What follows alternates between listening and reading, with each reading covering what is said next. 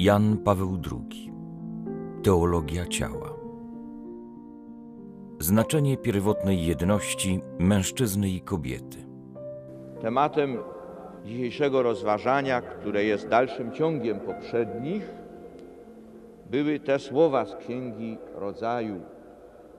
Uczyńmy Mu pomoc, Jemu podobną.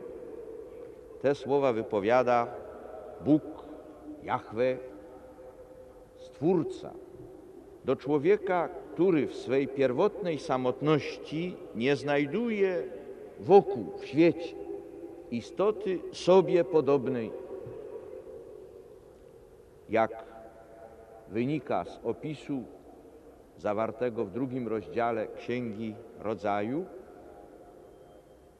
w czasie snu, który może mieć różne znaczenie, na pewno jest wyrażeniem przenośnym. Stwarza Bóg Jahwe tę właśnie istotę podobną. I człowiek samotny budzi się z tego genezyjskiego snu mężczyzną i kobietą. I w tej dwoistości znajduje wzajemnie pomoc sobie podobną. To pokrótce treść dzisiejszego rozważania, analizy tekstu biblijnego. Oczywiście, że analiza ta zawiera ogromnie głębokie stwierdzenia, chociaż bardzo proste i oczywiste. To, co jest przedmiotem naszego doświadczenia, fakt, że człowiek jest mężczyzną lub kobietą, znajduje w tym biblijnym tekście swoje, swój głęboki wyraz. Będąc pod względem swojej konstytucji somatycznej, zróżnicowany, jest człowiek, mężczyzna i kobieta, zjednoczony w pierwotnej jedności człowieczeństwa. I stąd jednaka jest godność osobowa obojga. Na tej zasadzie jedności człowieczeństwa, czy też jedności w człowieczeństwie i takiej samej godności osobowej buduje się ta jedność, jedność, do której mężczyzna i kobieta zostaje powołana, zostają powołani przez Stwórcę od początku. Chrystus o tej jedności mówi, cytując słowa z Księgi Rodzaju. Opuszcza człowiek, mężczyzna, swojego ojca, swoją matkę i łączy się z swoją żoną i stają się dwoje jednym w ciele. To tyle dzisiejszego rozważania.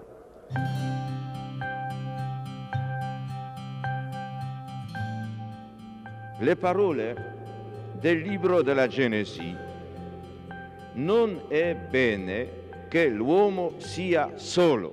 Słowa Księgi Rodzaju nie jest dobrze, żeby mężczyzna był sam, są jakby przygrywką do opowiadania o stworzeniu kobiety. Razem z tym opowiadaniem sens pierwotnej samotności zaczyna stanowić część znaczenia pierwotnej jedności, której kluczowym punktem zdają się być właśnie słowa z Księgi Rodzaju, rozdział drugi, werset 24, na które powołuje się Chrystus w swojej rozmowie z faryzeuszami.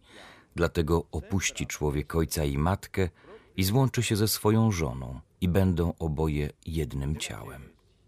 Skoro Chrystus przytacza te słowa, odwołując się do początku, wypada, abyśmy dokładnie określili znaczenie tej pierwotnej jedności, która korzeniami sięga do faktu stworzenia człowieka jako mężczyzny i kobiety. Opowiadanie zawarte w pierwszym rozdziale Księgi Rodzaju nie zna problemu pierwotnej samotności człowieka, człowiek bowiem od początku jest mężczyzną i kobietą.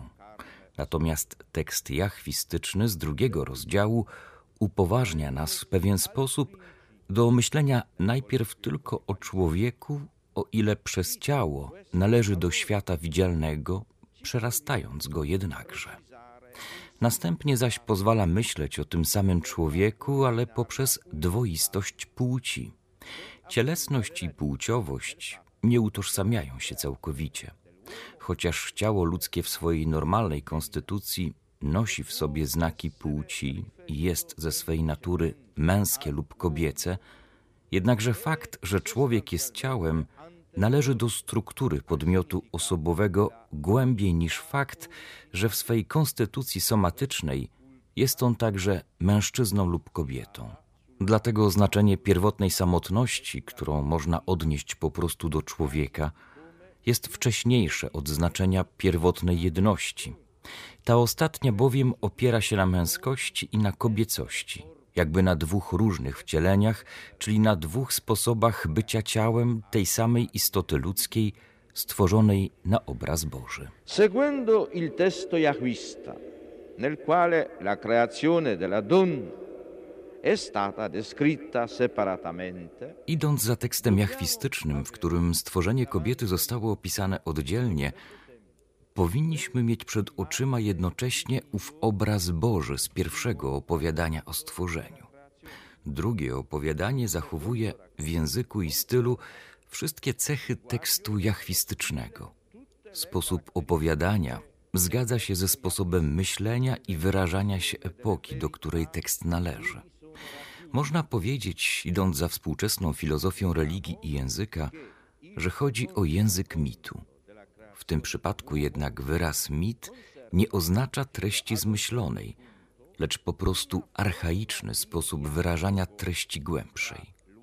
Bez żadnej trudności pod warstwą dawnego opowiadania odkrywamy ową naprawdę cudowną treść, o ile chodzi o jakość i kondensację prawd, jakie tam są zawarte. Dodajmy, że drugie opowiadanie o stworzeniu człowieka zachowuje do pewnego stopnia formę dialogu między człowiekiem i Bogiem Stwórcą, a to przejawia się nade wszystko na tym etapie, na którym człowiek, Adam, zostaje definitywnie stworzony jako mężczyzna i kobieta, Isz, Isza. Stworzenie dokonuje się jakby jednocześnie w dwóch wymiarach. Działanie Boga Jahwe, który stwarza, odbywa się równolegle z procesem świadomości ludzkiej. Così dunque Dio, Yahweh, dice, non è bene che l'uomo sia solo. Tak więc Bóg Jahwe mówi: Nie jest dobrze, żeby mężczyzna był sam. Uczynię mu zatem odpowiednią dla niego pomoc.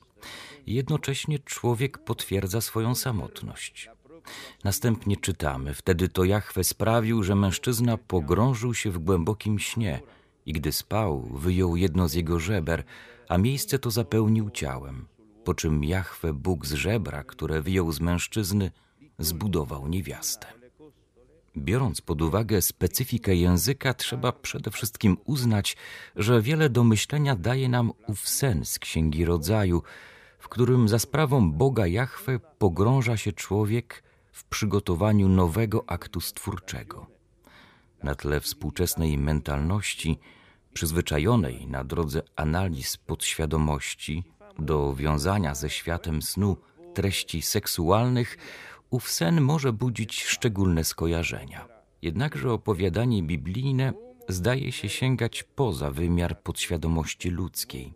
Jeżeli następnie przyjąć znamienną różnicę słownictwa, można wyciągnąć wniosek, że człowiek, Adam, zapada w ów sen, aby obudzić się mężczyzną i niewiastą. Rzeczywiście po raz pierwszy w Księdze Rodzaju, rozdział drugi, werset 23, spotykamy się z rozróżnieniem isz iszach.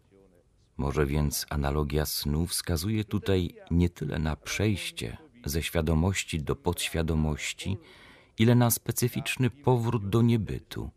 Sen ma w sobie coś z unicestwienia świadomej egzystencji człowieka, albo do chwili poprzedzającej stworzenie, ażeby z niej dzięki stwórczej inicjatywie Boga człowiek samotny mógł wyłonić się w swojej dwoistej jedności mężczyzny i niewiasty.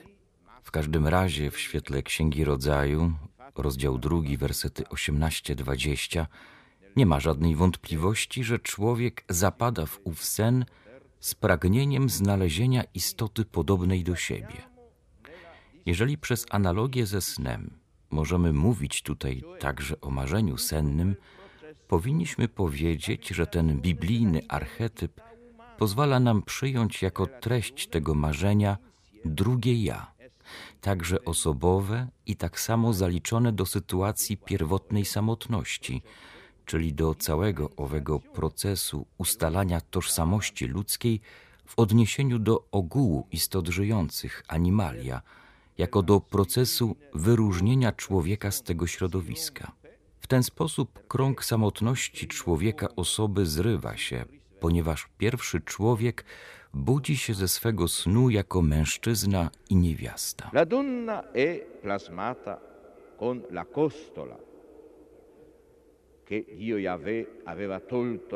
Niewiasta została ukształtowana z żebra, które Bóg Jahwe wyjął z boku mężczyzny.